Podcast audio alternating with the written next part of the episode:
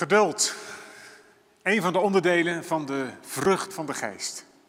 Als je de vrucht van de geest zou vergelijken met een sinaasappel met allemaal partjes, is geduld er één van. En een belangrijke. Ik wil starten met een verhaal wat ik las. Een heftig verhaal. Misschien heb je het ooit gehoord, misschien is het nieuw voor je. Het komt uit het boek Passion van Carl Olsen. En hij vertelt daar over de periode van de vroege Franse protestanten. Aan het einde van de 17e eeuw werd in Zuid-Frankrijk een meisje, Marie Dunant, aan de autoriteiten voorgeleid op beschuldiging van ketterij. Ketterij van de hugenoten. Ze was 14 jaar, intelligent, aantrekkelijk en, zoals dat in die tijd al ging, huwbaar. Haar werd gevraagd om het hugenotengeloof af te zweren. Ze hoefde dus geen misdaad te plegen, geen crimineel te zijn. Ze hoefde ook de dagelijkse kwaliteit van haar gedrag, staat hier niet af te wijzen. Ze hoefde alleen maar te zeggen, ik zweer af. Niet meer en niet minder. Maar Marie weigerde. Ze deed het niet.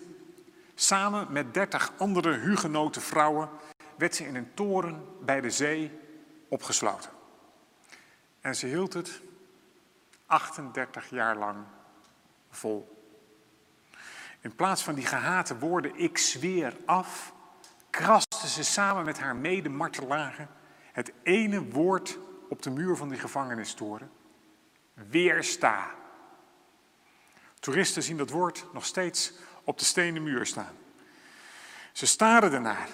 Wij begrijpen de beangstigende eenvoud niet van godsdienstige toewijding die niets van de tijd vraagt en niks ontvangt van de tijd. Met andere woorden, waar geduld een belangrijke rol speelt. Maar een geloof dat niet wordt gevoed door tijdelijke hoop, dat het morgen beter zal zijn, dat kunnen we niet begrijpen. Met dertig anderen in een cel zitten en dag en nacht zien veranderen, de zomer in de herfst zien veranderen, de langzame systematische veranderingen in je lichaam voelen, merken, rimpelig worden van je huid, het verlies van je spierkracht, de langzame verdoving van je zintuigen. Dit alles voelen en toch volhouden. Het lijkt haast idioot in de ogen van een generatie die geen vermogen heeft om te wachten. Ja, waarom nou direct zo'n heftig voorbeeld? Dit is toch ook niet normaal? Ik kom straks nog wel met wat andere voorbeelden. Maar geduld is het vermogen om te wachten, om te verduren, om te doorstaan. Ook al weet je nog niet precies wat de next step is, wat de vervolgstap is. Ook al is het tempo anders dan je wil. Ook al zijn de omstandigheden anders dan waar jij op had gerekend. Dat is geduld. En we kunnen dat zeker niet als we alleen maar een tijdelijke hoop hebben. Dit moet vandaag af, dit moet deze week gebeuren. We kunnen dat echt, is mijn overtuiging, alleen als we verder rijken met God. Als we ons wachten zien in de eeuwigheid. Geduld. Een van die woorden dus uit Galaten 5, vers 22, waar het gaat over de vrucht van de geest. Liefde, blijdschap, goedheid, moet je even jezelf afvragen. Als ik je nu de vraag had gesteld, noem eens een aantal christelijke deugden. Of noem nou eens even, zonder deze tekst, een aantal belangrijke principes uit het christelijk geloof. Dan weet ik bijna zeker dat de meesten van ons wel liefde hadden genoemd. Misschien ook wel hoop, vreugde. En zo zijn er waarschijnlijk nog een aantal onderwerpen. Misschien vergeving ook nog. Maar geduld. Ja, je weet het nu dat het erin staat. Maar zou je geduld genoemd hebben?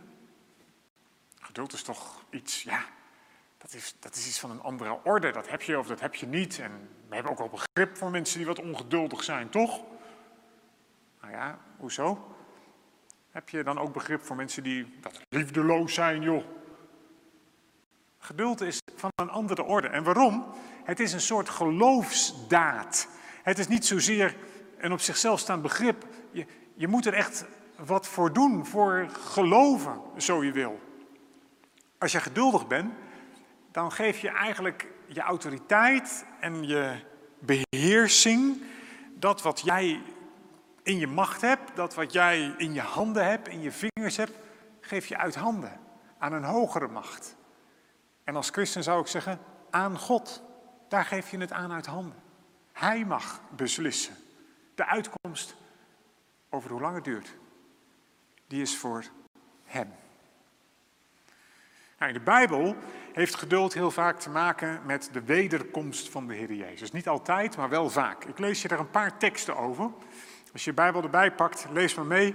Bijvoorbeeld in 2 Petrus 3, vers 9. Daar lezen we dat God nog geduld met de wereld heeft en dat hij mensen tijd geeft omdat hij niet wil dat iemand verloren gaat. De Heer is niet traag met het nakomen van een belofte, zoals sommige mensen menen.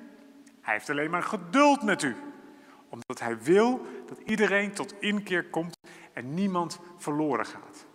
En die tekst komt na die andere tekst als duizend jaren zijn bij de Heer als één dag, één dag als duizend jaren. En daarvoor zeggen de mensen tegen die gemeente, waar is God, waar is God, we zien hem niet, hij zou toch een keer terugkomen. Hm, nou, waar blijft hij dan? Er is nog niks veranderd sinds het begin van de schepping. Het is een alternatief op, waar is God, waar is God dan? Er gaan mensen dood, er is honger, en er is oorlog. Waar is God? Petrus zou zeggen, het feit dat hij nog niet is teruggekomen, biedt kansen. God heeft geduld met ons. Omdat hij niet wil dat iemand verloren gaat. Nou, Petrus' collega Jacobus spreekt ook over de wederkomst van Jezus. Ik lees je daar ook een paar versen over. Jacobus 5, vers 7 tot en met vers 11. Heb geduld, broeders en zusters. Nu gaat het niet meer over het geduld van God voor ons, maar het geduld wat jij en ik mogen hebben. Heb geduld tot de Heer komt. Denk eens aan een boer die geduldig blijft wachten op de kostbare opbrengst van zijn land, tot de regens van het najaar en het voorjaar zijn gevallen. Wees net zo geduldig en houd moed, want de Heer zal spoedig komen. Klaag niet over elkaar, broeders en zusters, want daarmee roept u het oordeel over u af. Bedenk dat de rechter voor de deur staat. Neem een voorbeeld aan het, komt hij weer, geduldige lijden van de profeten in, het in de naam van de Heer Jezus. Degene die stand hielden, prijzen we gelukkig. U hebt gehoord hoe standvastig Job was. Nou, daar zal ik verder niet over uitweiden, maar als je de Bijbel een beetje kent, Job. U hebt gehoord hoe standvastig Job was. Anders gezegd, hoe geduldig hij was. Met alle vragen die hij had. Was niet makkelijk, dat staat hier ook niet. Maar hij was standvastig. En u weet welke uitkomst de Heer gaf. Hij is immers liefdevol en barmhartig. Dus een oproep om geduldig te zijn, want Jezus komt eraan. Hou nog even vol. Zoals een boer het vol moet houden en denkt, nou, ik wil nou wel een keer wat zien. En op de duur de mais of een ander gewas is gaan groeien. En denk je, zal ik het nu al oogsten of nog wachten tot die maiskolven iets dikker zijn? Je weet waar je op wacht, is wat Jacobus zegt. Waar wacht je dan op? Op de wederkomst van Jezus. Heb daarom geduld. Wacht nog even af. Wees standvastig. Ja, heel simpel, plat Nederlands. Het komt goed. Wat komt goed? Corona. Nee, het komt goed. Jezus komt terug. Heb geduld. Nou, Petrus, Jacobus, doen er nog één. Ook Paulus, ook Nieuwe Testament. In de Colossensebrief, Colossense 1, vers 9 tot 11, vertelt Paulus hoe hij met geduld omgaat. Daarom bidden wij onophoudelijk voor u vanaf de dag dat we gehoord hebben we vragen dat u Gods wil ten volle mag leren kennen door de wijsheid en het inzicht die zijn geest u geeft. Dan zult u leven zoals het past tegenover de Heer, Hem volkomen welgevallig. U zult vrucht dragen door al het goede dat u doet. Uw kennis van God zal groeien en u zult door zijn luisterrijke macht de kracht ontvangen om het allemaal vol te houden en om het allemaal te verdragen. Hier in deze vertaling dus niet letterlijk het woordje geduld, maar je snapt hem, volhouden en verdragen. En Paulus legt daar de link met kracht. Die kracht heb je nodig, want geduld is een soort innerlijke kracht. Het is een bewijs dat je van binnen sterk bent. Ongeduldige mensen zijn vaak zwak. En daarom zijn ze afhankelijk van allerlei externe dingen. En, en dan moet je me niet verkeerd begrijpen, want daar zit ook iets goeds in. Als je ondernemer bent, snap ik ook dat je tijdschema's hebt. dit is het, dit is het, dit is het, zo moet het, deadline. En sommige ondernemers die moeten met stemverheffing spreken. Zo wil ik het, dit. Ja, ik ga nu even scherp zijn. Ik hoop dat je me er niet op afrekent. Maar het is heel vaak een teken van innerlijke zwakte. Dan moet je. Of een ander die wat agressiever is, dan moet je erop slaan. Wat is sterk als je je kunt beheersen. Dat is natuurlijk iets lastiger voor de tieners onder ons of, zelfs voor kinderen als die mee zouden kijken. Want ja, je laat je zwakte niet zien door je op het schoolplein in elkaar te laten slaan natuurlijk. Dan sla je terug. Tenminste, dat is onze natuurlijke reactie. Maar de Bijbel laat eigenlijk zien, Paulus laat zien dat we sterk zijn als we ons kunnen beheersen. Het is helemaal niet sterk als je de sterkste bent. Dat is makkelijk. Jij slaat mij, sla ik jou. En als ik harder sla, heb ik gewonnen. Jezus laat ons iets anders zien. Ze sloegen Jezus en hij sloeg niet terug. Daar worden ze helemaal onrustig van. Daar worden ze zo gek van dat ze hem aan een kruis slaan. Daar kunnen we niet tegen.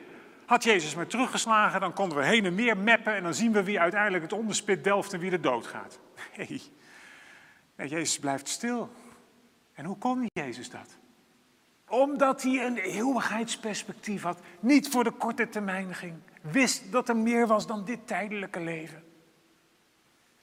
Die link legt Paulus. Dat God ons de innerlijke kracht geeft, de luisterrijke macht om geduldig te zijn. En die macht van de Heer, die hebben we nodig in het bijzonder op die momenten dat wij moeten vertrouwen. Dat het ons uit handen geslagen wordt. En dat onze obstakels en de omwegen van het leven ons frustreren. Een paar simpele voorbeelden. Als je echt zou geloven dat het oponthoudt wat jij hebt bij een verkeerslicht wat veel te lang op rood staat.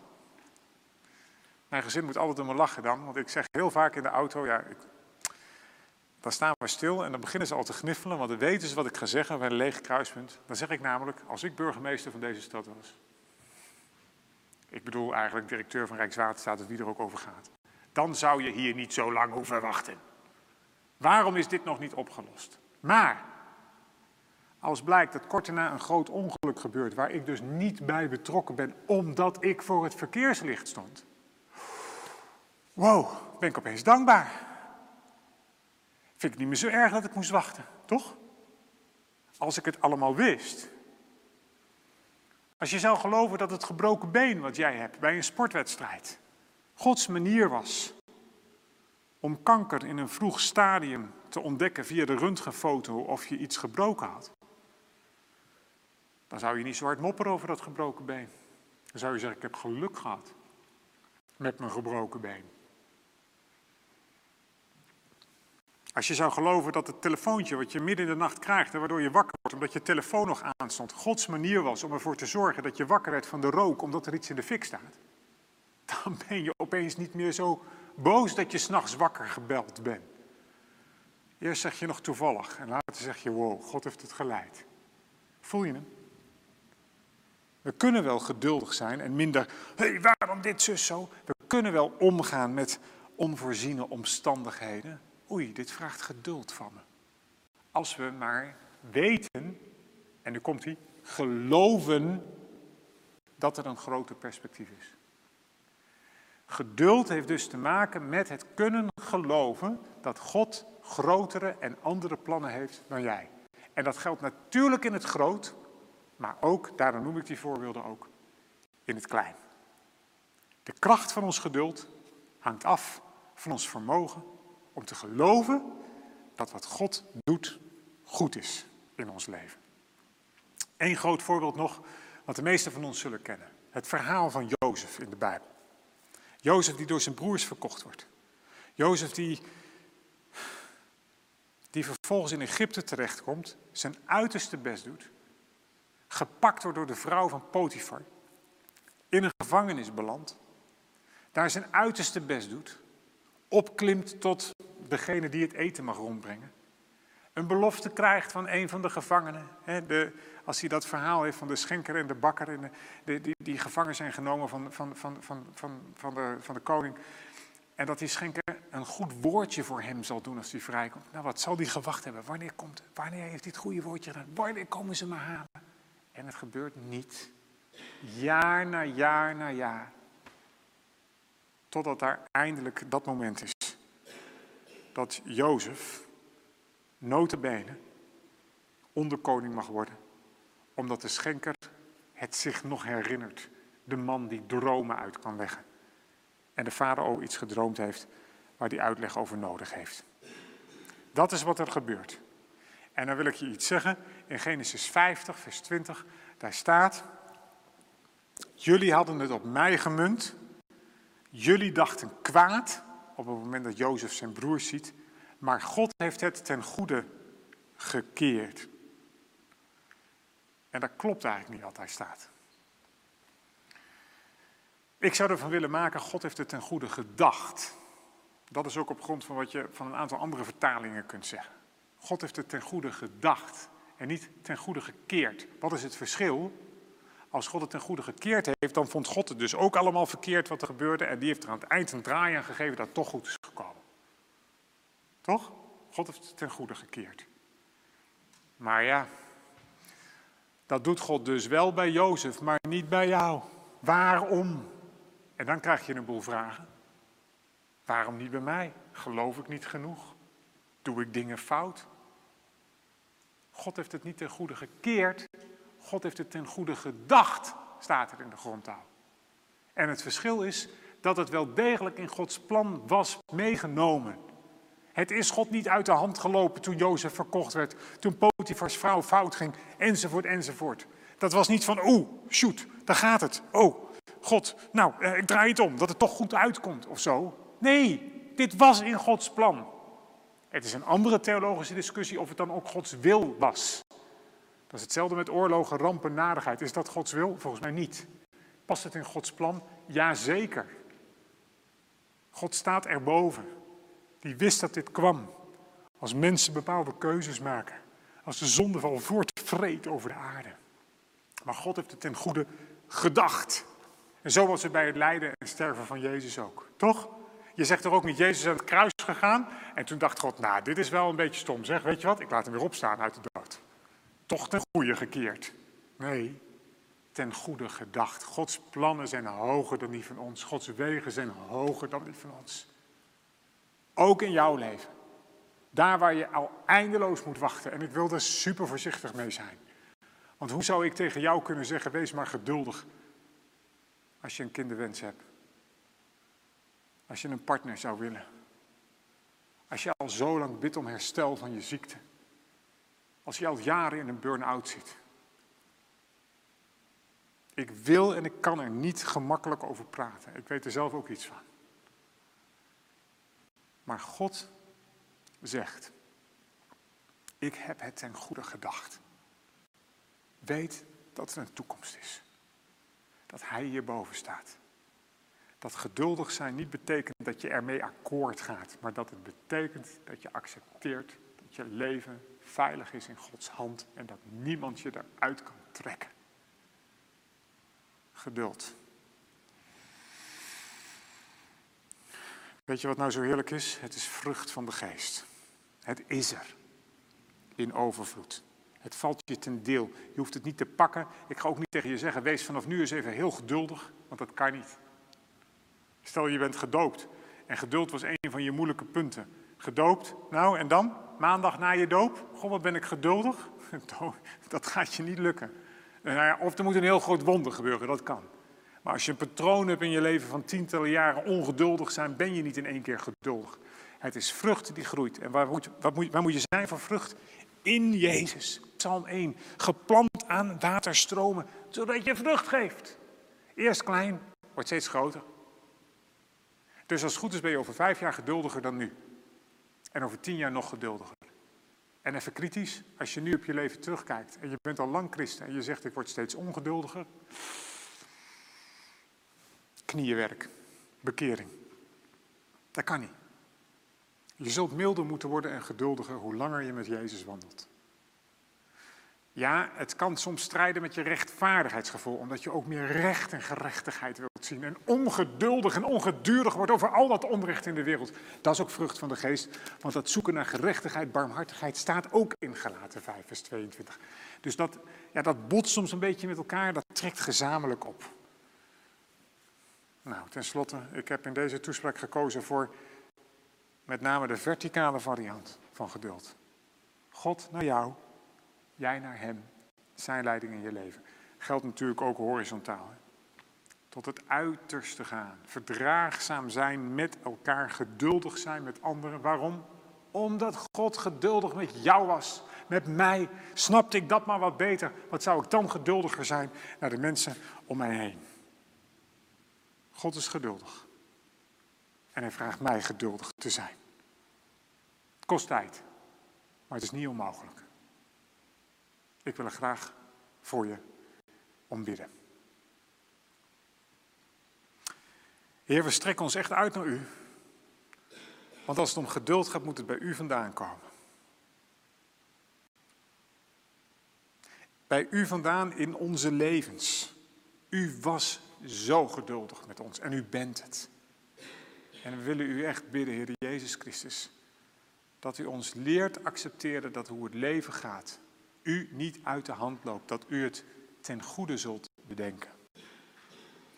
Heer, we willen u vragen om vergeving als we te vaak hebben gedacht dat u er een draai aan geeft om het toch weer kloppend te maken.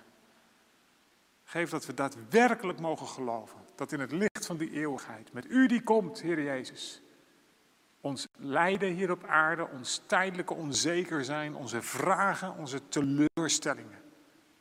Vragen om geduld. Namelijk, God is machtig.